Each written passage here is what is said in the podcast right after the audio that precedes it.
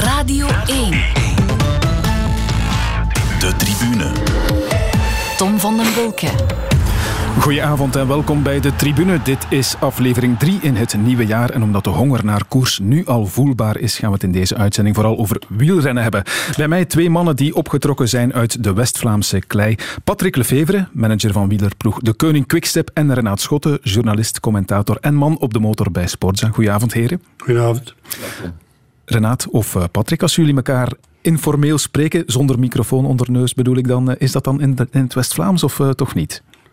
Dat gebeurt, ja. Ja, dat maar gebeurt zeker. Niet altijd, maar toch. Ja. We verstaan elkaar. Ja, dat denk ik wel. Hè. Heb je dat ook met, met West-Vlaamse renners, Renaat? Met, eh, met Yves Lampaard of zo, om dan maar het icoon van West-Vlaanderen te noemen meteen? Als dat eh, extra professionele omstandigheden zijn, uiteraard. Ja. Dat is eigenlijk vrij normaal. Hè. Ja, ja, ja. Ik sprak daarnet over de honger naar de koers. Er zijn mensen die nu al letterlijk de dagen aftellen tot aan de omloop het nieuwsblad. Hoe zit dat bij jou? Wanneer begint dat te kriebelen? Op dit moment staat mijn ja, kop eigenlijk vooral nog op veldrijden gericht. Een beetje Mhm. de, de aanloop naar dat WK in Oostende in, in West-Vlaanderen. Dus je kan je voorstellen hoe de gemiddelde West-Vlaming zich daarbij voelt. En ja, maar tussendoor natuurlijk volgen natuurlijk zoveel mogelijk alles wat, wat er bougeert op de weg, al die voorstellingen. Gigantisch veel informatie die op een wielerverslaggever afkomt. En dan tel ik eigenlijk ook de dagen af naar de omloop, dat wel, ja. Ja. 28, 29 februari, ik ben het nu zelf even... eh, ja, ja. ben- 29 nee, is het nee, zeker niet, nee, want dat, dat kan is niet. een schrikkeljaar. ja. 27, 27 en 28 ja, ja, juist, juist. Goed dat hij het nog eens zegt. En Patrick, voor jou stopt het nooit echt zeker. Ehm, is dat dan omgekeerd? Kijk jij dan weer net even uit naar wanneer het wat rustiger wordt? Of eh, hoe zit dat? Nee, pff, rust, ja. Ik, kan eigenlijk, in mijn positie kan ik ook rust nemen als ik wel bij Ja. mij wil spreken. Maar ja, we, zijn nu wel een beetje bang aan het afwachten wat er gebeurt met die Britse variant. Mhm. Waar iedereen toch een beetje in paniek aan het slaan is. Dus Down Under is afgelast. Eh, Argentinië is afgelast. Turkije is afgelast. Atalaya. Atalaya. Mhm. Dus nu zijn we aan het kijken. Valencia, al die koersen. La Provence, gaat dat doorgaan of niet? Rusten wanneer je wilt, dus ehm, ben je al bezig met je opvolging? Zal ik die vraag nu al stellen? Helemaal aan het begin of eh, schuif ik ze nog even uit naar het einde van het programma? Je moet me nu uit. Oké, we zullen nog even wachten dan. We zullen beginnen met de momenten van de week. En Patrick Lefevre en Renaat Schotten, dat zijn mannen van de koers, maar daarom nog geen one-trick ponies. En dat blijkt ook uit hun keuzes voor die momenten van de week. Want geen wielrennen voor jou, Patrick, maar wel voetbal. Infiltreren van Maartens. Oh, en een penalty. Ja, zeker een penalty. De overtreding van Sardella. Daar krijgt Leuven nog de kans om er wat van te maken. Lawrence, overigens de captain van vandaag, had ook nog niet gezegd. Die naar de kant moet voor eh, Anderlecht na 39 minuten. Ja, een soort tackle van opzij. En veel te wild. En nu dus eh, Anderlecht. Dat eh, Lawrence hier kwijtspeelt. En dat eh, toch de drie punten nodig heeft in de strijd om eh, de top 4. Ja, Anderlecht verliest voor de tweede keer op rij. Eerst eh, 1-0 in Leuven en dan 2-0 in Eupen. Het is een eh, seizoen, Patrick, met horten en stoten voor Vincent Compagnie. Ja, ik heb eigenlijk wel een beetje met hem te doen, eerlijk gezegd. Ehm, Hij is natuurlijk met de grote troon binnengehaald. En moet proberen met ehm, ja, een stel jonge paarden ehm, de meubels te redden. Ze zijn altijd goed bezig, maar ik vergelijk het een beetje met koers in die zin. Precies als iedere keer eh, in de goede ontsnapping zitten. En de kilometer voor de meter worden zij gelopen. Mhm. Ja, klopt zoveel vaak mis in het, op het einde inderdaad. Ja, zoveel keer in blessuretijd of gelijk wat nog een gelijkmaker krijgen. En nu twee keer eh naar elkaar natuurlijk eh, ja, Ja. verliezen. Ben jij een voetbalkenner? Oh nee, ik volg ja, alle sporten, maar voetbal ja ook. Maar ja, zoals veel mensen weten of niet weten, moet ik me een paar maanden geleden laten verleiden door het enthousiasme van Mark Koek en Wouter van Noten. Ja. Om in de raad van bestuur van Anderlecht aan als eh, onafhankelijke, wat dat ook wil zeggen. En ik ben eigenlijk wel een beetje geschrokken van de reacties van de mensen. Het is heel anders dan in de koers. Dus, eh, dat is bij veel mensen negatief onthaald geweest. Of ze zijn blauw, of ze zijn mauve, of ze zijn rood. Ja. Maar ze zijn niet voetbal. Ja. En, en je zou niet per se zelf dat kleur mauve op jou kleven? Nee? Nee, dat was ik. Ja, ik ben meest naar Anderlecht geweest in het verleden, omdat eh, ik keek wel heel op, eh, erg op naar het werk dat Michel Verschuur gedaan had. En eh, loges, VIP-situaties. En ik dacht altijd, ja, wat kan ik daarvan meepikken naar de wielersport toe? En plus, mijn toenmalige sponsors, Peugeot, Coca-Cola en allemaal, aan de loge. En ik werd vaak daar uitgenodigd. Later ook naar Club Brugge. Gent, noem maar op. Ik ben eigenlijk overal geweest. Ja, je hebt het daarnet zelf gezegd. Je bent nu sinds een jaar, zo wat moet het zijn, denk ik, onafhankelijk bestuurder bij Anderlecht. Wordt je daar nu vaak geconsulteerd of, of niet eigenlijk? Hoe zit Maar dat? nee, ja, het is eigenlijk fout begonnen. Hè. Eh, Covid, eh, raad van bestuur kan niet meer doorgaan. De eerste keer was telefonisch, de tweede keer hebben we live op een buiten eh, situatie gedaan. En eigenlijk eh, twee weken terug hebben we een Zoom-meeting gedaan. Maar ja, behalve te proberen ja, de meubels te redden, dan gebeurt het. Dan gaat die weg uit de raad van bestuur, dan neemt Karel van Eertveld ontslag. Dus ja, mijn, mijn doel was ik er op binnenkijken en zien ja, hoe loopt dat hier en hoe, hoe, kan, hoe kan ik misschien helpen met die spirit van de Wolfpack van bij ons hier binnen te, te brengen. Heb Hoe je het dat? gevoel dat je dat inderdaad al een beetje hebt kunnen doen of toch niet? niet. Ik heb weinig? niks kunnen doen. Ik heb één keer een kennismaking gehad met, met Vincent Company bij Mark thuis, eh, met Mark Koeken thuis. Met de andere bestuursleden, maar verder heb ik niemand mee gezien. Ja, dat constante geschuif van posities eh, bij Anderlecht, nu ook weer inderdaad met Karel van Eetveld. Daar moet jij als bestuurder toch ook het jouwe van denken. Dat, dat is toch niet goed? Ja, maar kijk, als je een beetje rommelig begint en eh, hebt, hebt de eerste wire gemist, zal maar zeggen, dan wordt het moeilijk om, om dat te recupereren. En ik denk dat we dit seizoen, ja, dat ze gaan moeten geduld hebben. En sowieso, ho- hopelijk voor hen geraken ze dan in een eh, Europa League of gelijk wat om wat geld te, te ramasseren. Anders wordt het heel moeilijk. Ja, toen je ja gezegd hebt tegen Mark Koeken, zei je van ja, ik wil er eigenlijk in eerste instantie te weten komen, vaststellen wat daar nu precies misloopt binnen Anderlecht. Ben je nu een jaar later al iets wijzer of eh, niet? Wel, ik denk dat er een paar verstandige beslissingen genomen zijn. Mark heeft een stap achteruit gezet, ondanks dat hij ja, toch wel grotendeels eigenaar is. Ja, hij heeft heel veel, om een lelijk woord te gebruiken, stront over hem gekregen. Voor iemand die 71 miljoen betaald heeft. Ehm, maar ja, kijk, eh, Rome en Parijs zijn nu op een, op een dag gebouwd. En Anderlecht wordt nog altijd afgerekend op zijn verleden. wat, wat het niet meer is natuurlijk. Ja. Nog even terug naar eh, Vincent Company. Je hebt een beetje met hem te doen. Hij was ook heel boos op de, op de scheidsrechter, op de arbitrage na de laatste wedstrijd in Eupen toen die rode kaart gevallen is, waarvan hij vond dat ze niet had getrokken mogen worden of gegeven mogen worden. En vandaag was er een persconferentie op Anderlecht en eh, Vincent Company kreeg daar de vraag of hij niet een beetje verzuurd aan het raken is. Dat klopt niet. Hè. Kom. Je kunt toch niet zeggen dat ik verzuurdheid uitstraal. maar we moeten dingen juist zeggen. Als er nu één ding... Ik ben de trainer die waarschijnlijk het meeste heeft meegemaakt dit seizoen qua last minute en al die dingen. En voor wat ik, voor wat ik meegemaakt heb in mijn jonge maanden als coach, vind ik dat ik eh, veel over mezelf heb geleerd. En dat ik uiteindelijk eh, nog meer overtuigd ben dat ik, dat het wel in orde komt. Het komt wel in orde, zegt eh, Vincent Company. Hoe kijk jij naar hem als trainer? Je hebt hem al ontmoet ook. Wel, ik heb hem maar één keer ontmoet. Hij is natuurlijk een prachtige speler geweest. Ja. En eh, normaal zou hij het moeten kunnen maken met, met wat hij heeft van know-how. En, eh, en inderdaad, paniek is een slechte raadgever. Dat heb ik al heel mijn leven meegedragen. Dus het is niet het moment om te panikeren. eh, panikeren sorry. Maar hij zal dat natuurlijk nooit toegeven, maar voelt toch wel een beetje de stress stijgen, denk ik. Ja, dat is logisch. Stress is er altijd bij Anderlecht. Over naar het moment van Renatan. En daarvoor moeten we naar Australië, waar 72 tennisspelers opgesloten zitten in hun hotelkamers. Good evening. Victoria is standing firm on hotel quarantine for tennis stars after world number one Novak Djokovic issued a list of demands calling for less time in isolation and private housing.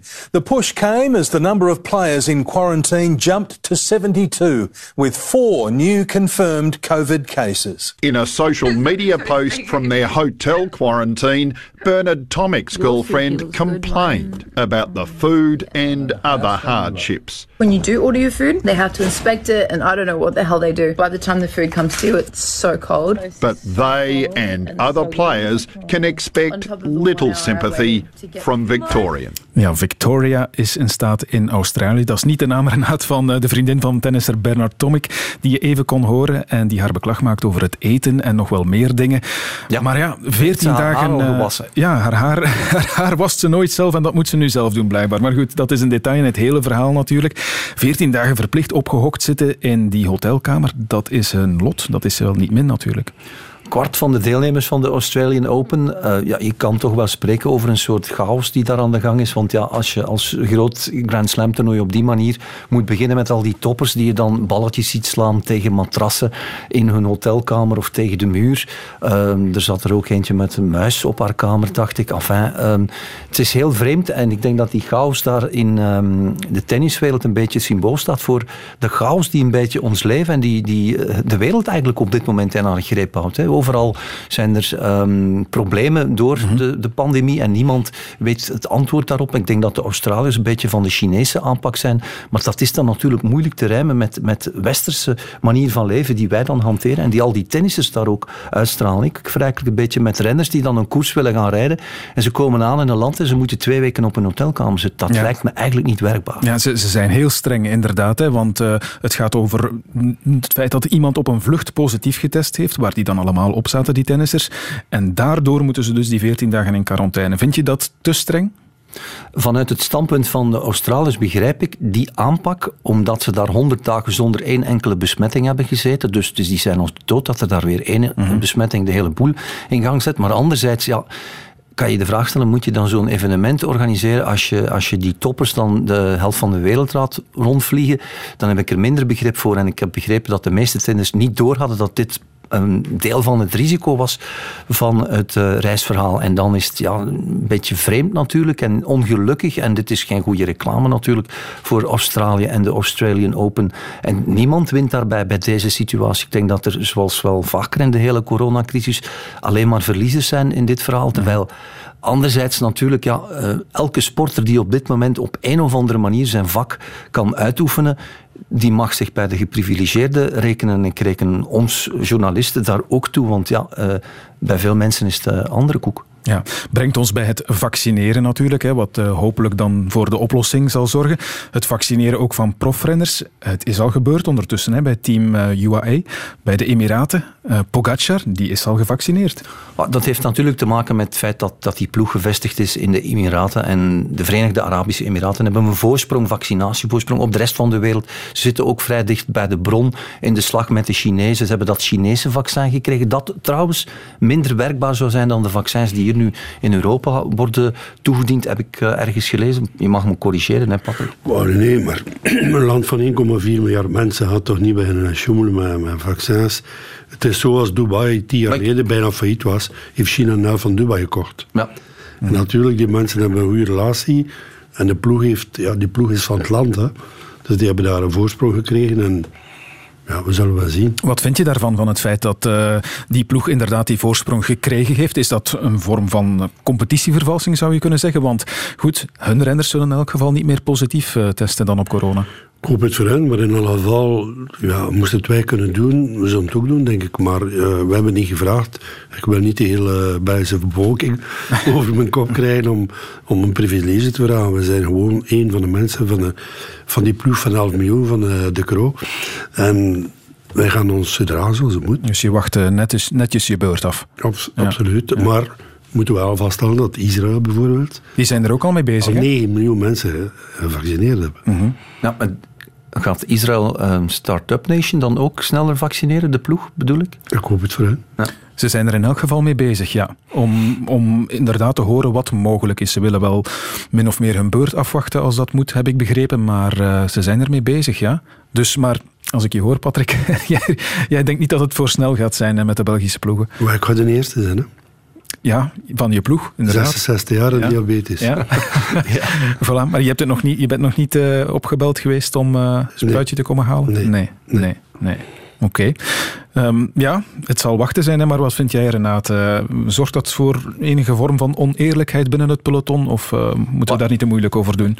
Nee, ik denk het niet. Ik denk dat um, de manier waarop er vorig jaar gekoest is met al die bubbels en al die ploegen en alle maatregelen die toen genomen zijn, dat het, dat het een level playing field was. En ik denk dat, dat we onder dezelfde omstandigheden zullen koersen dit jaar en dat dat dus eigenlijk weinig gaat veranderen of een ploeg al dan niet gevaccineerd is. Het belangrijkste voor een ploeg die er wel in slaagt om vroeger dan de rest gevaccineerd te zijn, is dat ze toch wel een zekere gemoedsrust hebben dat ze, dat ze gewoon niet ziek gaan worden. Mhm. En dat is toch ook, eh, dat is ook meer waard dan, dan denk ik een besmetting waarmee je dan in quarantaine moet. Dat is Voilà, dat is het. Hè. Ehm, Zoals vorig seizoen. Het was uitgerekend die ploeg die het toen voor had. Hè.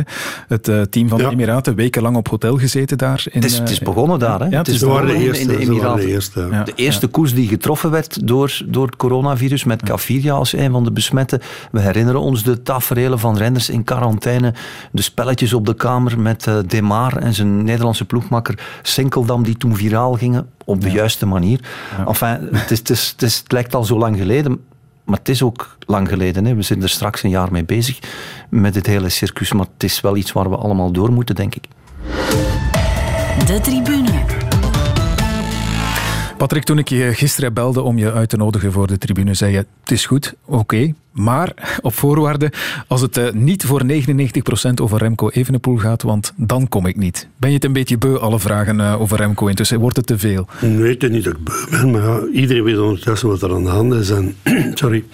Ehm, het is ook gezegd dat we altijd maar alleen over hè. Dat is precies dat onze ploeg alleen uit Remco Evenepoel bestaat. Ja, is, is dat een beetje te vergelijken met de hype of de populariteit rond Tom Bonen zoveel jaren geleden? Zou je het kunnen vergelijken of is het nog, nog maal zoveel geworden intussen? Ja, het, lijkt, het lijkt er een beetje op, maar met respect voor iedereen die tussen Bonen en Remco gezeten heeft, eh, we hebben niet zoveel stars meer gehad. Eh, Je hebt renners die heel goed zijn, die publicitair heel interessant zijn, maar je hebt er een paar die een beetje het stardom hebben. En daar eh, hoort Remco nu bij dat hij wel of niet ook bij. Absoluut. Kijk, ik beloof dat we zeker nog vijf minuten over iets anders zullen praten. nee, nee, we gaan er geen Remco-show van maken, maar we moeten het er toch even over hebben, want vorige week heeft eh, Evenepoel ons tijdens de ploegvoorstelling toch verrast. Uh, well, I have a small surprise for you guys. I mean, there were some small difficulties, and uh, it's all still part of the process of the rehab. But um, to be honest, uh, we don't know yet when and where I will be able to restart because um, we slowed the comeback a bit down. I still had some small problems, didn't feel really comfortable on the bike, so um, sitting down on a saddle, I mean, it's it's still quite uh, hard for a few hours. So um, we uh, stepped off the bike for a few weeks now already. Ja, Evenepoel heeft eh, gas moeten terugnemen, heeft eh, vijf weken niet kunnen fietsen ondertussen. Ik heb begrepen dat hij vandaag eh, opnieuw op controle geweest is in het ziekenhuis. Wat is daar gezegd? Maar ja, om terug te komen even op het eh, feit is dat ja, het ging bijna te goed. Hè. Het ging allemaal zo goed met Remco, dan komt die verschrikkelijke val. Hij herstelt wonder, wonderwel. Maar ja, um, schijnbaar is de aangroei van het bot toch niet zo snel gaan als dat je dacht. Een bepaald moment op een CT-scan is te zien geweest. Dat uiteindelijk, hij had pijn, maar hij heeft dat niet gezegd. Hij dacht dat dat deel uitmaakte van de revalidatie. En uh, toen bleek dat het bot niet helemaal aan elkaar geroeid was. En uh, hij had natuurlijk pijn op het zetbeen. Een renner zit uren op dat harde zadel. Mm-hmm. En vanmorgen is hij naar uh, Herentals geweest. Daar hebben ze gezien dat het nog niet 100% is. Ah, okay. Dus wij hoopten van, vanaf morgen te kunnen fietsen. Uh, we gaan geen enkel risico meer nemen, dus nu gaan we terug. Waarschijnlijk drie weken van de fiets halen. Dus nog eens drie weken, dat komt dan toch al op een uh, totaal van twee maanden? Hè? Dan zitten we op 8 februari. Ja, en dat is ja. drie maanden voor de Giro. Exact, drie maanden voor de Giro. En als het dan goed is, dan moeten we zien, nemen we het risico om naar de Giro te sturen of niet. Ja, heb je daar al over nagedacht? Ik neem aan van wel. Uh, ja, natuurlijk. Het zou dwaas zijn van, van mij als uh, chef van de ploeg om daar niet over na te denken. Ja, ja. Maar geen risico dat dus eventueel ook geen Giro, mocht het dan inderdaad zover komen? Ja, als het moet, dan rijdt hij hem niet. Ik bedoel, als het, als het niet genoeg, uh, of als zijn conditie niet... We hebben middelen genoeg om te zien welke conditie hij heeft, maar niet nog een keer dezelfde fout maken van te snel te. Ja, hij is de goudklomp natuurlijk uh, binnen jouw ploeg. Hoeveel zorgen maak je je hier nu over? Dat uh, moet je toch bezighouden. Kijk, ik ben uh, niet vanzelf grijs geworden. ik heb ja. al het een en het ander meegemaakt in mijn carrière. verleden week, verleden jaar, mensen, konden we de, twee doden gehad in tien dagen. Mm-hmm. Ze leven allebei, ehm, ze zijn jong en de wereld ligt voor hun voeten. En is dat nu die drie weken meer gaan normale carrière van Remco Evenepoel niet uh, verhinderen. Nee, maar hij is misschien vanmorgen wel naar het ziekenhuis vertrokken met het idee van hopelijk goed nieuws, hopelijk ziet dat er goed uit op die scan en kan ik morgen weer beginnen te fietsen. En dan krijg je te horen van nee, gaan we niet doen. Uh, er komen nog eens drie weken niet fietsen bij. Dat, dat ja, moet toch wel weer een tik zijn. Dat zal hard aankomen, maar je gaat er voorlopig goed mee om. Maar ja, kijk, de dokter dan zegt, ja, het zal waarschijnlijk in orde zijn, nou dinsdag ga je mogen fietsen. Maar ja, kijk, als een foto iets anders zegt, dan moet je hem beneden Ja. Heeft hij jou al gebeld of geappt? Of? Ik heb hem al gewhatsappt, ik heb zijn mama al gehad, ik heb uh, zijn papa al gehad, ik heb uh, Phil Jans gehad, ik heb dokter Van Mol gehad. Dus, uh, oké. Ja. ja. Wordt hij daarin psychologisch begeleid? Als dat nodig is wel. We hebben onze psycholoog Michael Verschaven meegedaan aan het trainingskamp. En er is niet alleen Remco, er is ook Fabi Jacobsen. Mm -hmm. En misschien wel andere mensen die een keer ja. willen langsgaan. Maar uh, ja, ik hoop dat hij niet stoer doet. Want jonge mannen van 20, hij wordt ja. 21 bij, 4, bij 14 dagen. Maar hij beseft wel ja, dat het niet leuk is. Al een morgen uw, uw vrienden die vertrekken op training, zelfs Jacobsen. Mm -hmm. En hij moet in het zwembad blijven. Dus ja, dan kun je dan een uur liggen in dat zwembad en twee uur. Dan zijn er nog uh, een lange dag. Hè. Ja, en ik denk dan ook aan de aard van het beestje. Hè, want hij, hij wil heel graag, hij wil zoveel. En dan krijg je te horen, nee, nee, Remco, het, het kan weer niet, het mag niet. Ja, kijk, dat is, het is wat het is. Uh, weet dat hij nu leuk vindt of niet leuk vindt, uh, we moeten ermee omgaan. En we gaan proberen hem met de beste zorgen te omringen. Maar ik heb het daarnet al gezegd over de voetbal. Mm -hmm. paniek is de slechtste raadgever die je kan. En ja. dat moeten we absoluut vermijden. Ja. Hoe kijk jij daar naar, uh, Renaat? Want als je dit hoort, is toch weer een, uh, ja, een, een, een minder goede evolutie natuurlijk in het verhaal. Het grote probleem lijkt me om, om Remco te, in te tomen. Het is, het is ja, een jonge kerel met bijzonder veel ambitie, heel veel drive. En hij heeft dat ook getoond in het begin van zijn revalidatie. Heeft zich misschien een beetje vergalopeerd. Al is dat makkelijk om dat van buitenaf te zeggen. Maar ik, ik kijk daar natuurlijk vooral met dat verwachtingspatroon ook naartoe van, van het brede publiek. Hè. Iedereen zit te wachten op dat uh, debuut in een grote ronde. Dat zou de Giro worden vorig jaar. Dat is het niet geworden uh, door de omstandigheden van de val. Het zou de Giro weer worden dit jaar. Nu zitten we met een vertraging van, uh, van de revalidatie. Ik hoor Patrick spreken over een plan B. Ik heb ook mm-hmm. al gelezen dat dat dan mogelijk de Tour is. Um, dan zie ik jou van nee schudden. Dan, dan denk ik eerder aan een combinatie spelen Vuelta enfin, nu denk ik even hardop na. Mhm. En iedereen zit te wachten op die, die Belg die gaat meedoen natuurlijk voor de eindzege in een grote ronde. En in die zin staat hij nu al qua publiciteit en, en impact op minstens gelijke hoogte met, met de, de figuur Tom Bonen uit het verleden van de ploeg van Patrick. En daarom denk ik dat, dat, uh, dat er zoveel te doen is rond Remco Evenepoel. We zitten allemaal te wachten op die Belgische rondrender die gaat meestrijden voor de eindwinst. Wij willen een Pogacar. Ik zeg nu wij, ik denk de gemiddelde Belgische wielerliefhebber kijkt daar met heel veel verlangen naar uit, omdat hij, omdat hij zoveel mensen eigenlijk doodgelukkig kan maken. Ja. Patrick, ik kom even terug op uh, wat uh, Renaat aangaf. Plan B, mocht de Giro niet lukken, de Tour, je schudde inderdaad van nee. Maar er zijn nog een paar opties. Hè. Stel dat hij inderdaad mag beginnen op 8 februari te fietsen. Drie maanden is heel kort, maar het kan ook genoeg zijn. Stel dat we zeggen naar de Giro zonder enige verwachting een, een, ervaring van een grote ronde van drie weken kan hem in de toekomst enorm veel... Moet kunnen, hè? Ja. Eigenlijk, eigenlijk zijn als de outsider is, ja. voilà. We zien wel wat er ja. komt. Het is eigenlijk niet eerlijk wat we doen in België op dit moment. Hè. We leggen met z'n allen zoveel druk op zijn schouders. Hij doet dat zelf ook natuurlijk. Hè. Maar iedereen gaat er nu vanuit en gaat een grote ronde rijden en daar meteen scoren. Bij een jonge renner is dat eigenlijk niet normaal. Mm. Bij een jonge renner laat je hem eerst een inrij grote ronde rijden om dan te proeven en te kijken. En bij die volgende rondes die dan komen, dan kan je eens beginnen denken aan een podium. Maar je is ook niet normaal, hè? dat weet ik. Ja. Intomen, ja. Komen ja, nee, maar als je naar Pogacar kijkt... Derde in de Vuelta verleden jaar, drie rijden winnen als 20 jaar. Hè. Ja, ja. 21 jaar. Het is waar. Nu wint hij de Tour. Ze staan er meteen. Dus en als we zien wat hij gepresteerd heeft uh, in het verleden, tot zijn val, dan zijn die verwachtingen misschien wel heel hoog gespannen van iedereen maar ook niet uh, uit de lucht gegrepen. Nee, ik laat je nog even verder gaan over die opties. Dus optie 1 zou kunnen zijn een Giro zonder verwachtingen. Wat zijn de andere opties nog? Gaan de Olympische Spelen doorgaan? Ja. Ook een goede vraag. Zoals het nu zijn aan het keren is. En dan twee, uh, ja, Tour. Ja, het zou eventueel kunnen, maar wij zouden liever opereren, opteren liever. Mhm. En hij ook, denk ik, om dan een normaal westseizoen af te leggen en dan naar de Vuelta te gaan. Goed, dat uh, wordt uh, interessant denk ik om te zien hoe dat gaat evolueren. Hè. Blijven ja, kijken. Blijven kijken en het blijven volgen alleszins uh, met Remco Evenepoel. Want de Giro, het zal er snel zijn uiteindelijk, hè, Renat. Dat lijkt allemaal nog wel even, maar zoals Patrick al aangaf, 8 februari tot 8 mei, dat is maar drie maanden. Als je weet, vooral dat de concurrentie al volle bak bezig is hè, nu, met trainingen, met wedstrijden voor te bereiden. Ja, morgen wordt de Giro toch de Grande Partenza voorgesteld. Het zal in Turijn zijn, de, de start van die ronde van Italië. En dan begin februari krijgen we de rest van het rittenschema te zien. En het blijft nog altijd een open vraag hoeveel tijdritkilometers daar nu in zullen ja, zitten. Ik wilde het inderdaad vragen. Weten we al of dat qua parcours iets wordt dat, uh, net zoals het eigenlijk vorig jaar zou geweest zijn, op zijn lijf geschreven is? Of is dat nog onduidelijk? Er is sprake van twee tijdritten en dan is dat eigenlijk ja. niet meer of minder dan wat er in de komende ronde van Frankrijk zit. En dan kijk ik meteen weer naar Patrick. Gaan de tijdritten een rol spelen als hij 100% fit is? Ja, als hij 100% fit is, dan moet je nog één ding niet vergeten. De taxen liggen de Giro altijd op de derde week.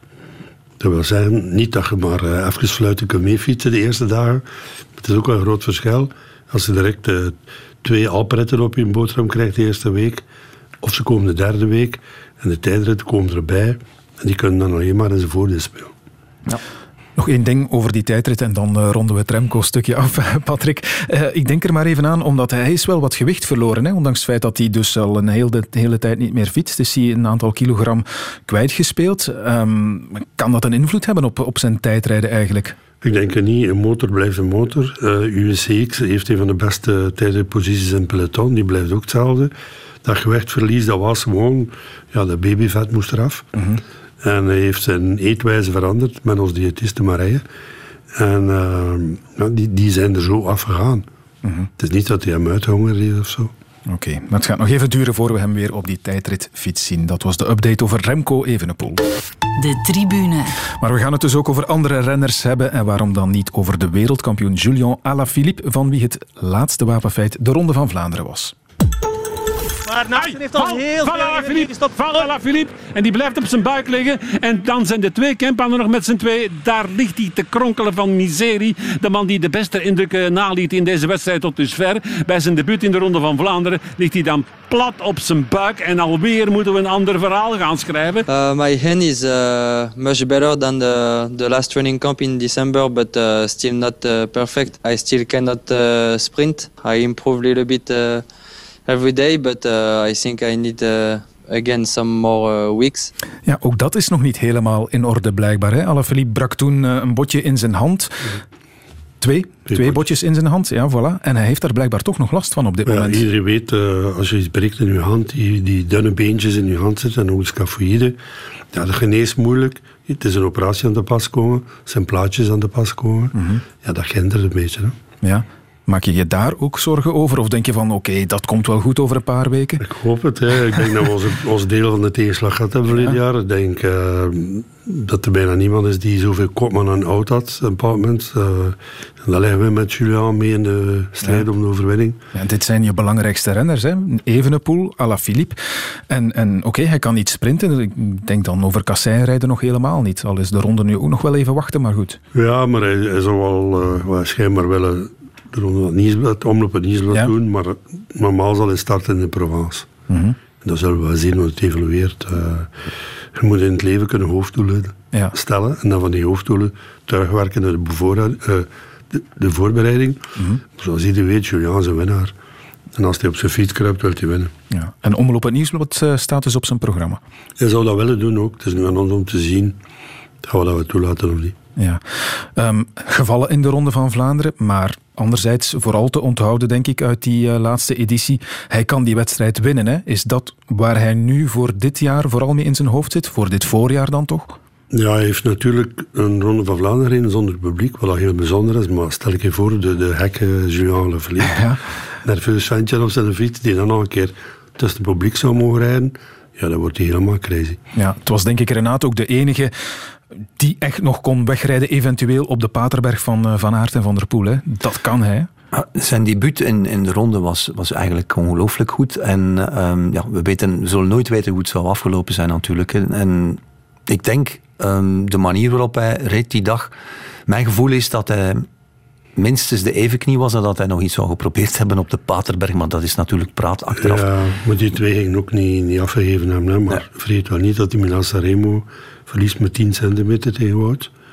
En na vier fietswissels, zelfs één voor de Cipressa, dus een frisse en een Philippe. Een sprint, ja. Hij mag met iedereen naar de aankomst gaan. Oké, dat is dan nog een extra toefkaart. En dan is hij bij mij nog meer favoriet dan hij eigenlijk al was. Ehm, en het feit dat hij ook uh, wil rijden in de omloop, dat illustreert alleen maar zijn ambitie en zijn absolute wil om er iets van te maken. Dat zal ook weer zijn om te willen winnen. Hè? Uh, hij wil alles, denk ik. Maar als zijn seizoen overloopt, Sanremo tweede, na vier fietswissels. Ja. Tour winnen, waar dat iedereen weet dat hij wegrijdt. Ook in Sanremo weten ze dat hij wegrijdt. Hele trui, een beetje een lulle manier verloren. Bon, mm -hmm. wereldkampioen. Luik, op een lulle manier verloren. Ja. Hij wint Brabantse Pijl. Ronde van Vlaanderen mee. Ja, wie doet beter, hè? Ja, hij heeft een loft gekocht in Ronse, zowaar. Is, kadert dat, ja, geen ja, meer effect. Ja, ja, ja, zo is het inderdaad. Hij heeft dat zelf bevestigd aan ons. Dus uh, het klopt, maar is dat in, kadert dat dan ook in, in het voorjaar? Uh, om een, een vaste uitbal, uitvalsbasis te hebben om te kunnen trainen daar? Met Dries Levenijns, want die woont in de buurt. Hè? Ja, zeker. Dries is uh, voor hem heel belangrijk. en ik hoor dat het nog lang zo blijft. ook ja, altijd op dat vliegtuig gaan van weer. En, hij zegt, als ik voor een bepaalde periode naar België kom, dan wil ik hier blijven. Ook niet vergeten dat zijn vriendin van het noorden van Frankrijk is. Dus dat is niet ver van haar thuis eigenlijk. Mm -hmm. Dus het is goed. Ja, oké. Dus het is wel degelijk om er zelf te gaan uh, verblijven en van daaruit te vertrekken op training. Ja, absoluut. Ja, ja oké. Wat met zijn contract, want uh, dat loopt af eind dit jaar natuurlijk. Uh, daar ben je dan ook al mee bezig in je ah, achterhoofd. Wie zegt, wie zegt dat? Ah? Is, is er nieuws? Is er al, is er al een akkoord over een, een nieuw contract dan? Maar er was al een contract tot uh, 2024. Is dat zo? Ja. Ja? Het is te zeggen, er is een optie. Dus als de ploeg stopt, kan het niet blijven. Oké. Okay. Maar als de ploeg doorgaat en ja, oké, als er morgen in Joos komt, dus leggen 10 miljoen op tafel, ja, dan moet ik zeggen, ciao. Ja. Maar zolang dat de ploeg doorgaat, uh, blijft hij bij ons. Is dat dan een soort van automatische verlenging? Het is een optie, ja, een automatische verlenging. Het is een optie natuurlijk, maar uh, een optie en een marktprijs. Mm -hmm. Het is ook het geval van, van Remco. Ik heb ook zo'n contract met Lampaard. Ja. Dus uh, het is altijd een optie dat wij als ploeg eigenlijk de first right of refusal hebben. Ja. Jij kan die eenzijdig nemen, die optie. Dat is het eigenlijk. Het is te zeggen, zolang dat er iemand komt die, die, die echt zegt van ja, kijk, ik leg zoveel op tafel en ik moet hem hebben. Ja, er staat dan een afkoopsom in het contract? Of hoe moeten we dat, dat niet? Dat niet, hè? Want hij is, ik, ik kan het zelf op tafel en dan moet hij blijven. Ah ja, oké. Okay. Ah, oké, ik snap het, ja, op die manier. Wist jij dat, uh, Renaat, trouwens? Want, uh... Spaar ons van afkoopsommen in elk geval. Ik hoop dat we nooit een transfersysteem zoals in het voetbal Ik weet het niet, ik dacht dat, uh, Patrick Lefevre daar wel oren naar had. Maar vroeger niet, maar hoe ouder dat kwart. en ook, hoe meer dat ik zie dat we in de wielrennen moeten rondjolen om aan ons geld te raken. Ja. En dan terugkijk, het gebeurt nu toch al. Dat bepaalde ja, renners hun eigen vrijkopen. Ja, ja dat, dat, dat konden wij eigenlijk als ploeg, als je verstandig redeneert, met die transfersommen een soort oorlogskas. Mhm. En als ik een sponsor wegvalt, of heb ik een tegenslag, dan kunnen we altijd zeggen, ik heb nog wat geld staan van die transfers. Mhm. Maar nu zijn we eigenlijk uh, ja, voor 95% afhankelijk van inkomsten van sponsoring. Dus, ja. dus het geloof dat, dat de koers ooit een, ja, een 2.0-economie kan creëren door een verhoging van de televisierechten, dat is bij jou weg op dit moment. Maar je zit zelf in de televisie, je weet dat die televisierechten niet zo hoog zijn. De rotoslok op is uh, ASO, Tour de France. Ja, en die gaan niet uh, Moeder Teresa spelen. Hè? Nee, dat nee. weten we, ja. Nee.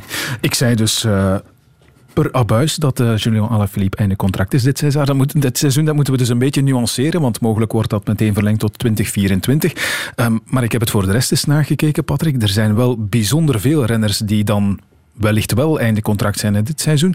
Uh, als ik het goed heb, 27 van de 30. Min Alaphilippe is 26? Ja, het zou kunnen. Ja, Mori van Zevenand, die doen een contract. Het zijn er nog wat meer Even jullie, van Zevenand, Omdat Lampaard. jullie vermoeden. Ja. Maar uh, neem niet weg dat ik uh, verleden jaar normaal, in normale omstandigheden, een zeer rustig jaar zou gehad hebben. Maar het is heel bewust van mij geweld dat alle contracten van coureurs en sponsors afliepen in 21. Ja. En nu? En nu is het uh, werken, ja. Onderhandelen, ja. Is ja. het de bedoeling om die kern van 30 te houden of, of eventueel af te slanken? Wel, ik heb dat één jaar gedaan gehouden, omdat ik natuurlijk Never Change a Winning Team, waren zeer tevreden. Ik denk, wie doet er beter? Hè? Met 27 coureurs, 16 verschillende coureurs winnen koersen. Mhm. Dus dat is redelijk ongezien en we doen het al jaren. Maar je moet natuurlijk wel openstaan om af en toe een keer een beetje, als we die term mogen gebruiken, vers bloed binnen te halen. Ja. Maar je wil wel die kern, een kern van 30 behouden. Ja, wie wil Eventueel met andere namen. Ja, wie weet er, wie weet er onze kern niet. Mm Ja, hangt natuurlijk ook af, neem ik aan, van de engagementen van uh, de sponsors. Hè. Hoe zit het daarmee? Ik uh, dacht dat de Koning een engagement aangegaan is in 2019 voor minstens drie jaar. We plus, zijn nu in dat derde jaar. Plus een optie van twee jaar. Ja. ja weten we al of dat, een, uh, of dat die optie genomen wordt? Zij hebben tijd tot maart om dat te zeggen. Ja. Dus want ik wil niet uh, in situaties raken zoals NTD verleden jaar en anderen. En ook al in situaties dat ik drie jaar geleden in zat, Mhm. mm -hmm. dat we nu dus nog niks hebben. Ja, dat wil ik niet meer. Ik, uh, ik denk, als de mensen die wel sponsoren of de sponsors die er zijn, nu nog niet begrepen hebben welke fantastische return on investment ja. dat we meebrengen. En ik, Ja. heb, eh, ik lees niet anders dan goed nieuws de laatste tijd en de tijd en zo, over hoe goed de koning het doet. Ja. Uh, ja. Dus jij verwacht dat ze die optie gewoon Maar gaan dat lichten zeg en ik niet, maar ja. het wielersponsoring zal er natuurlijk niet vreemd aan zijn. Al zullen zij natuurlijk zijn dat het niet waar is. Ze hebben het waarschijnlijk ook al keihard aan gewerkt. Ja. Maar uh, dat is niet meetbaar. We hebben al die cijfers van Nielsen, die heel veel geld kosten, hoeveel return er is. Maar uh, ja, kijk, we zullen zien. Specialized wil verder, Quickstep wil verder, Lidl wil verder. Maar dat ze verder willen doen en op papier zetten, zit er nog een verdiep. Ja, maar Quickstep, is dat een soort van never-ending story? Want jullie zijn al zo lang samen. Ja, maar Latexco is nog drie jaar langer. Ja. Die wil ook verder natuurlijk. Maar uh, ja, met Quickstep is zo dat ja, er verandert veel. Die firma groeit enorm. En een paar jaar hebben zij een klein beetje, ja, ik zou zeggen, wielsport als normaal gevonden. Maar nu hebben ze gezegd, ja, we moeten toch wat meer mee doen. Weet je wat, wij gaan mee in dat verhaal Remco. Remco is natuurlijk niet vreemd in dat verhaal. Willen we ooit een keer de Tour de France winnen? Ja, dan is het nu of nooit. Ja, over sponsors gesproken. Mark Cavendish keert dan terug naar de Koning Quickstep. Brengt dan zijn eigen sponsors mee. Hoe moet ik dat eigenlijk zien? Want het is toch niet dat die sponsors plots op jullie shirt zullen staan? Nee, nee, het is, te, het is zo eenvoudig is niet. Ja. Nee. Maar iedereen heeft de story gezien van Mark en Wevelem uh, met de tranen in de ogen. En uh, ja, ik ben ook niet zo hard of dat iedereen denkt. Nee, maar er was wel geen geld voor hem in principe. Nee, er was ook geen geld meer. Nee. Want je weet of je weet niet dat wij iedere euro in de, in de ploeg moeten uh, justiferen uh, bij Ernst de Jong. Een, een, orgaan die aangesteld wordt van de UC. Ja, en als ik over het budget ga, dan wordt dat niet goedgekeurd. Mhm. Mm. En het was er ook niet meer. En dan heeft hij mij gebeld, zegt hij, mag zelf een beetje rondbellen? Dan heeft hij bijna rondbellen en tot mijn verrassing was iemand die vroeger uh, ja, bij ons ook nog gesponsord heeft. Of, allee, CEO was in een bedrijf. Die zegt, ja, ik wil het wel doen. Mm -hmm. heb ik gezegd, ja, kijk, rond het af. Oké, okay, maar dat is dan geen sponsor die, die inderdaad zichtbaar nee, is op de truitjes? Niet, of, of uh, nee, nee, nee. Het gaat niet over uh, grote sommen van geld. Uh, het, het, is peanuts, maar het, is, het heeft dat maar gered. Ja, het is Renate een transfer van de emotie, hè? Mark Cavendish ook, als je Patrick Lefevre daarover bezig hoort. Um, maar puur sportief, Mark Cavendish, ja, wat verwacht jij daar nog van? Hij verdient in elk geval een, een mooi slotseizoen. Waar dat dan ook gebeurt. En dat dat nu bij, bij de ploeg van zijn hart gebeurt, vind ik eigenlijk extra mooi. Waar, ik denk dat dat heel moeilijk is om daar nu een voorspelling over te doen. Maar als zijn comeback half zo goed is als de doorbraak van de, de Britse variant, dan wordt het een heel goed jaar voor Cavendish.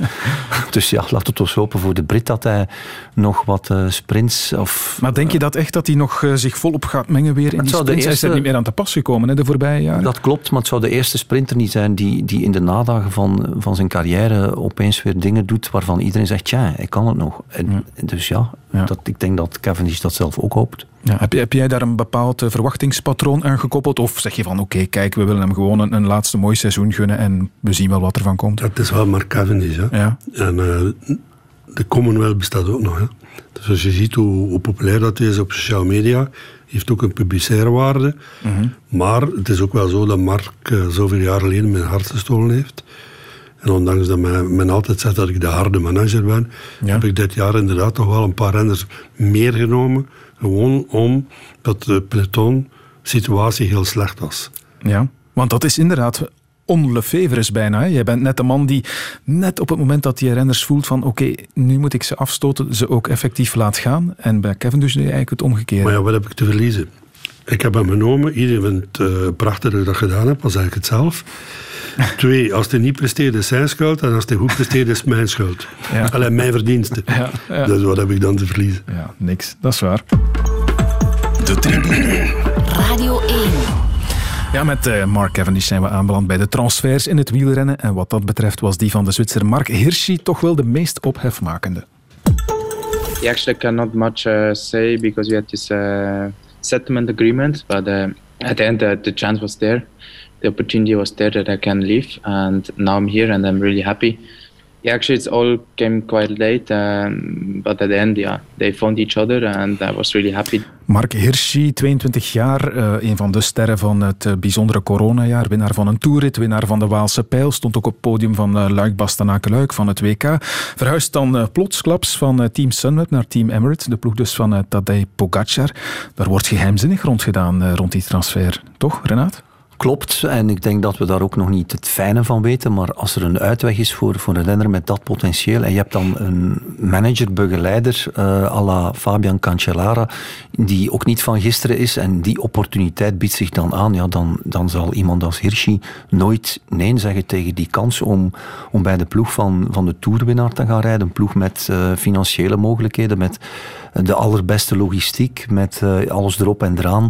Um, ik denk niet dat hij zich uh, verslechterd heeft. Nee, nee, dat, dat uh, zal wel niet. Maar Patrick, ik las in je column dat je er ook wel even over nagedacht hebt. Ben jij er al uit of het enkel over geld gaat, of dat daar toch nog andere dingen spelen ja, ook? We weten het niet, we zullen het misschien ook nooit weten. Um, Cancellara alle verdiensten dat hij heeft als renner, of had heeft als renner. Als manager heeft hij maar één poulain, bij mijn weten. Dus uh, het is altijd beter dat je vriendjes blijft met iedereen in peloton. Want uh, iedereen weet, uh, als een voetballer kwaad is op een trainer. En vijf jaar later zit die trainer bij zijn andere ploeg. Mm. Of als een, een coureur ruzie maakt met mij. En wij, wij, wij, gaan samen met een nieuwe ploeg. Of whatever. Hij komt weer bij mij terecht. Het is altijd beter dat je op een normale manier afscheid neemt. Ja. Maar je ziet de financiële rol. Ik ben al afval iedereen weet dat een neoprof een minimumcontract krijgt. Als je dan zoveel beter is of dat iedereen dacht, ja, gaat dan praten. Hè. Ja, en dat zou Team Summit dan niet of onvoldoende gedaan hebben, waardoor hij zegt van ja, oké. ja, ik ben ook de persoon niet om de telefoon te nemen en naar Iwan te bellen en te zeggen, maar jongen, hoe kan dat nu? Ja. Iedereen zijn eigen kat zeggen. Ja, ja, ja, uiteraard, uiteraard. Het is wel ongebruikelijk, hè? we hadden het daar net al over, over mogelijk transfersommen in het wielrennen, maar dat de renners hun contract verbreken voor het afgelopen is. Dumoulin. Ja, maar het is, het is, typisch bij Team Sunweb. Daar heb je inderdaad Kittel. Je hebt uh, Dumoulin, Barguil, Matthews. Die zijn allemaal bij Team Sunweb vertrokken voor hun contract afgelopen was. En zijn allemaal toppers eigenlijk. En nu zie je het weer met, met, uh, met Mark Hirschi. Ik, uh, ik heb er geen verklaring voor, omdat nee? ik de interne keuken van DSM te weinig ken. Ik denk, wat het vertrek van Hirschi betreft naar UAE, de Zwitserse connectie is onmiskenbaar. Hirschi, Zwitser, Cancellara, Zwitser, Gianetti, de teammanager van UAE, Zwitser. Ik denk dat we daar niet te ver moeten kijken. Die relaties zijn er en die relaties zullen er altijd zijn. En wat dan de interne keuken bij DSM betreft, ja, ik denk dat Spekenbrink een uitstekende manager is, want dat hebben de resultaten bewezen. De jongste eh, seizoenen, misschien uh, breken zij contracten minder makkelijk open, maar dat is een, een veronderstelling waarvoor we dan eigenlijk uh, op dit moment geen bewijs hebben. En misschien zorgt dat dan voor vervroegde uh, ja, vertrekken van ja. Ja. Um, we veronderstellen dat hij inderdaad begonnen is met een minimumcontract. We veronderstellen ook dat hij nu ja. uh, 1 miljoen euro per jaar gaat verdienen. Patrick, wij, ik had er deze week op de redactie met iemand nog een, een discussie over. Is dat nu veel geld voor zo'n uh, renner als Hirschi? Een miljoen per jaar. Ik vond eigenlijk van niet. Dat is open voor hem, dat hij dat krijgt. Ja, Ja, maar het is misschien minder, of het, is, het zit misschien in de buurt, maar een renner van zijn kaliber, of als hij tenminste de lijn kan doortrekken van wat hij nu laten zien heeft, voor 1 miljoen euro per jaar, is dat dan een dure renner of niet? Ja, kijk, dat is vooral isoleerd bij publiek, of nog meer bij journalisten. Mm -hmm. eh, hoeveel, hoeveel verdient Sagan, of het ja. Vroom, maar het is geen enkele journalist die aan mij komt vertellen hoeveel dat hij verdient. Ja, veel minder, dus, dat kan ik je ja, zeggen. maar daar heb ik ook voor gekozen. Hè. Ja. Dus dan moet ik gewoon klaar. Ja. Maar aan de andere kant, uh, er is geen enkele collega-manager die mij komt vragen van wat betalen en die, die of die. Want dan, als wij overeenkomen van maar niet meer betalen voor uh, coureur water, bij manier van spreken, Mhm.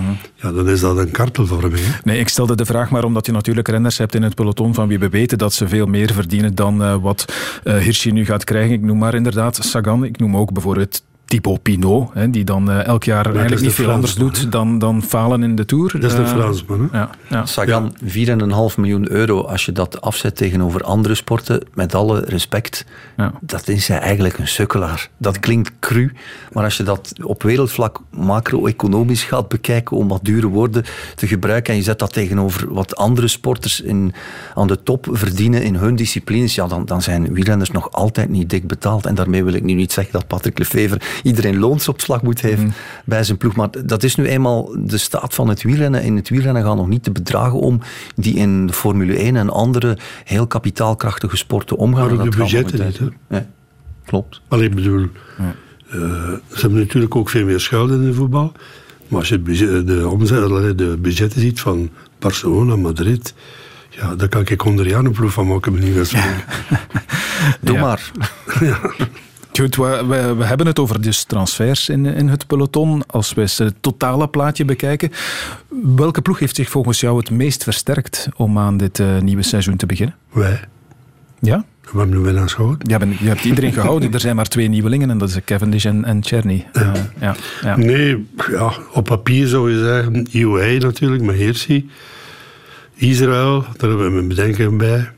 Alle sympathie, ik heb ook twee keer aan tafel gezeten met die Sylvan Adams. Maar ik heb zo'n beetje het gevoel dat die ploeg bij elkaar gekocht wordt, of toch niet Beetje zo met een lang, lange termijn strategie. Ja. Uh, ja, dat is makkelijk. Hè. Janet, die baan de sheik bij manier van spreken.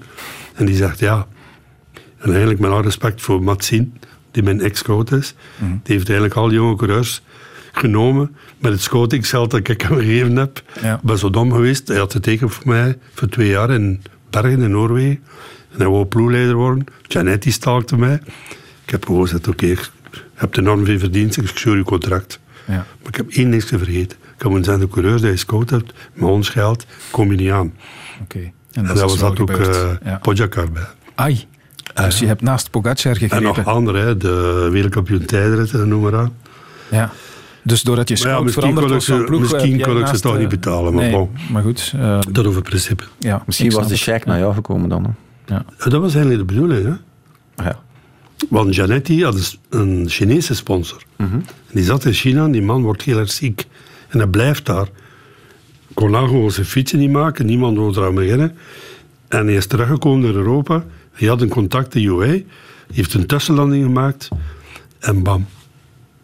En hij had tegen mij gezegd, als ik die Chinese sponsor heb, ik heb iemand voor u in UA. Oké. Ja. Dat is hoe dat kan gaan. Hè. Het is anders gelopen, dat weten we ondertussen. Ehm, als het over versterkte ploegen gaat, ik, ik gooi er nog even twee namen tegenaan. Ineos, Renaat, eh, ook indrukwekkend wat die eh, dit seizoen allemaal eh, kunnen opstellen. Ik ben vooral benieuwd wat eh Laurens de Plus daar gaat doen. Mhm. Ik vind dat heel interessant. En ja, dat is dan natuurlijk een ex-renner van, van Patrick. Ehm, vorig jaar was een vreemd seizoen voor Laurens de Plus. Er was veel onduidelijkheid over zijn blessure. Ja, natuurlijk, eh, je zit daar ook met verhaal Pitcock bij Ineos. Heel veel interessante eh, begin eh, ja, verhaallijnen die daar starten. En dan ben je benieuwd waar dat gaat eindigen. Krijgen we de bevestiging met de Gagan Hart. Ehm, ja, Ineos... los van wie er voorrijdt, ik denk altijd een interessant verhaal. Ondanks het feit dat ze, dat ze niet altijd de populairste ploeg zijn bij, bij sommigen. Mhm. En de andere naam leg ik voor aan jou, Patrick. AG de Zer, Van Avermaat, Nase, Jongels ook. Dat uh, lijkt een sterke kern voor het voorjaar. Gaan die, gaan die straks ook de, de quickstep-tactiek kopiëren? Of uh, wat denk je? Dat kan niet kopiëren worden. nee, dat is, dat is stuk voor stuk goede coureurs. Hè. We kennen ze allemaal. Maar het zijn niet die opkomende talenten. Hè.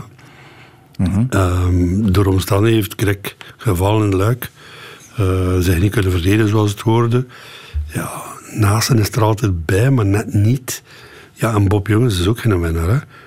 Hij kan heel snel rijden, maar zonder zal maar zijn, de renners van de Wolfpakken van ons ploeg wint hij nooit Luik of Kuren. Nee, want hij heeft inderdaad eh, Luik Bastenaken Luik gewonnen, wat wel een heel grote koers is natuurlijk, maar dat noem je dan eerder een toevalstreffer of dankzij jouw ploeg? Toevalstreffer niet, maar je weet het rol vroeger rond Bonen, daar heeft de Volder andere nuiers ook van geprofiteerd, mhm. omdat hij in een peloton, een peloton geviseerd werd. En Alaphilippe was een grote favoriet voor Luik. Hè? En Bob rijdt weg in, in de afdaling. Ja, hij houdt natuurlijk wel stand. Maar als hij die bij ons rijdt, dat weet ik nog niet. Ja. Jullie stapelen de overwinningen elk jaar op. Hè. Dat waren er in 2019, ik heb het even opgezocht, 68. Denk ik eh, in het coronajaar toch uh, bijzonder korte koersjaar 39. Hoeveel? Plus 1. Plus 1? Uh, eh, wereldkampioen. Dat is niet met ons ploeg, maar ik betaal hem wel. Hè. Ah, zo, op die manier. ik heb ook een bonus betaald. Ja, ja, ja, ja. oké, dat komt dan op 40. Dan kan je gewoon 40 zeggen, toch? Uh, ik zeg 40. Voilà. Maar de paard blijft 39. voilà. We zullen het bij deze aanpassen naar 40, maar hoeveel wil je er in, uh, in 2020? Zit je dan met een getal in je hoofd of denk je van nee? Ja, wij starten nooit met een getal in ons hoofd. We starten gewoon, we koersen agressief. We hebben spurters, we hebben klemmers, we hebben agressieve ploeg. Mhm. En we willen het concept verder zetten. En dat lukt. En we zien dat er heel veel ploegen proberen te kopiëren. Je hebt, je hebt natuurlijk altijd wel iets in je hoofd voor het seizoen start van kijk, dit jaar wil ik echt graag dit winnen. Wat is dat bij jou? Ja, vooral bij heel veel kwaliteit. Mm Kwantiteit komt erbij omdat je goede renders hebt. Maar wat? Dr. Quincy zal er bij mijn vroeg ook ieder jaar, Patrick, we gaan me winnen. En ik heb gezegd, dokter, ik weet het niet, maar we gaan heel hard ons best doen. En voor mij is jullie seizoen geslaagd als jullie één koers winnen met Fabio Jacobsen. Dat gaat gebeuren. Het zal fantastisch zijn. Het gaat gebeuren. Ja. Antwoord ja. woord. Je hebt er een goed oog in? Ja, want uh, die jongen zegt dat is ongelooflijk uh, hoe positief dat hij erin staat. Uh, hij heeft geen tanden meer, heeft die operaties gehad.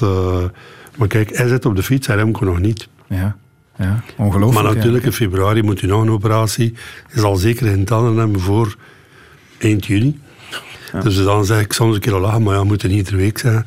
Ja, Fabio, het zal moeilijk worden, maar je op je tanden bijten. dat is een beetje half in humor, hè? Ja, ja, ja. Maar uh, ik kan er goed mee om. Is blij dat hij bij de groep is. Natuurlijk, het is wel moeilijk praten en eten, maar het is echt een, iemand die heel positief in het leven staat. En we moeten hem ook wel een beetje behoeden dat hij gevoelt de boosheid groeien. Ja. Oké, het is in elk geval iets dat we hem eh, van harte toewensen. Een overwinning in 2021. Eh, we moeten bijna afronden voor we van dat eh, heerlijke seizoen alweer gaan beginnen. Eerst nog het WK veldrijden natuurlijk, Patrick. Op, op Stibarna heb jij eigenlijk geen mannen in je ploeg die crossen, hè? Dat is bewust? Niet meer, dus niet bewust. ik word er nu ook op aangevreven dat ik geen vrouwenploeg heb en geen cyclocrossers. er is niemand in de basis wielersport die meer cyclocross gaat, vind ik. Een tijd bij Mark ja. Roger, uh, Erik de Vlaming, Albert van Damme, Robert Vermeijeren, Libouton, later Gilbert, Mario de Klerk, ja. Sven van Turnhout. En nu nog, en nu nog uh, Stibar, en die noem je dan uitgerekend afgelopen weekend, met alle sympathie erbij, zei je wel, een geldzak. Oh ja, het is een noosblokker, hè. dat zijn allemaal geldzakken, omdat de jongens weten wat we dat komen van niks. Ja. En ja. iedere euro is belangrijk. Ja. Maar Stijn, weet dat ook wel. Ja, ja. Hij vroeg een tentje om uh, te kunnen opwarmen. Ja, dat, dat tentje dat, is een anekdote. bij jou. Ja, het is een anekdote. maar je doet het wel. Ja, absoluut. Het WK veldrijden, Renaat. Uh, ja, je hebt nog een halve minuut om daar iets over te zeggen. Er zal geen volk zijn, maar ik ben ervan overtuigd dat de intensiteit van die koers uh, door de manier waarop uh, Van der Poel en Van Aert in dit veldrijdseizoen actief zijn, ongelooflijk zal zijn. Oké, daar kijken we absoluut naar uit. Ik dank je voor je komst naar de studio. Patrick Lefevre, manager van de Koning Quickstep en Renaat Schotten, die we binnenkort gaan horen en zien in het veld en daarna op de koers en op de motor natuurlijk. Dankjewel en nog een hele fijne avond.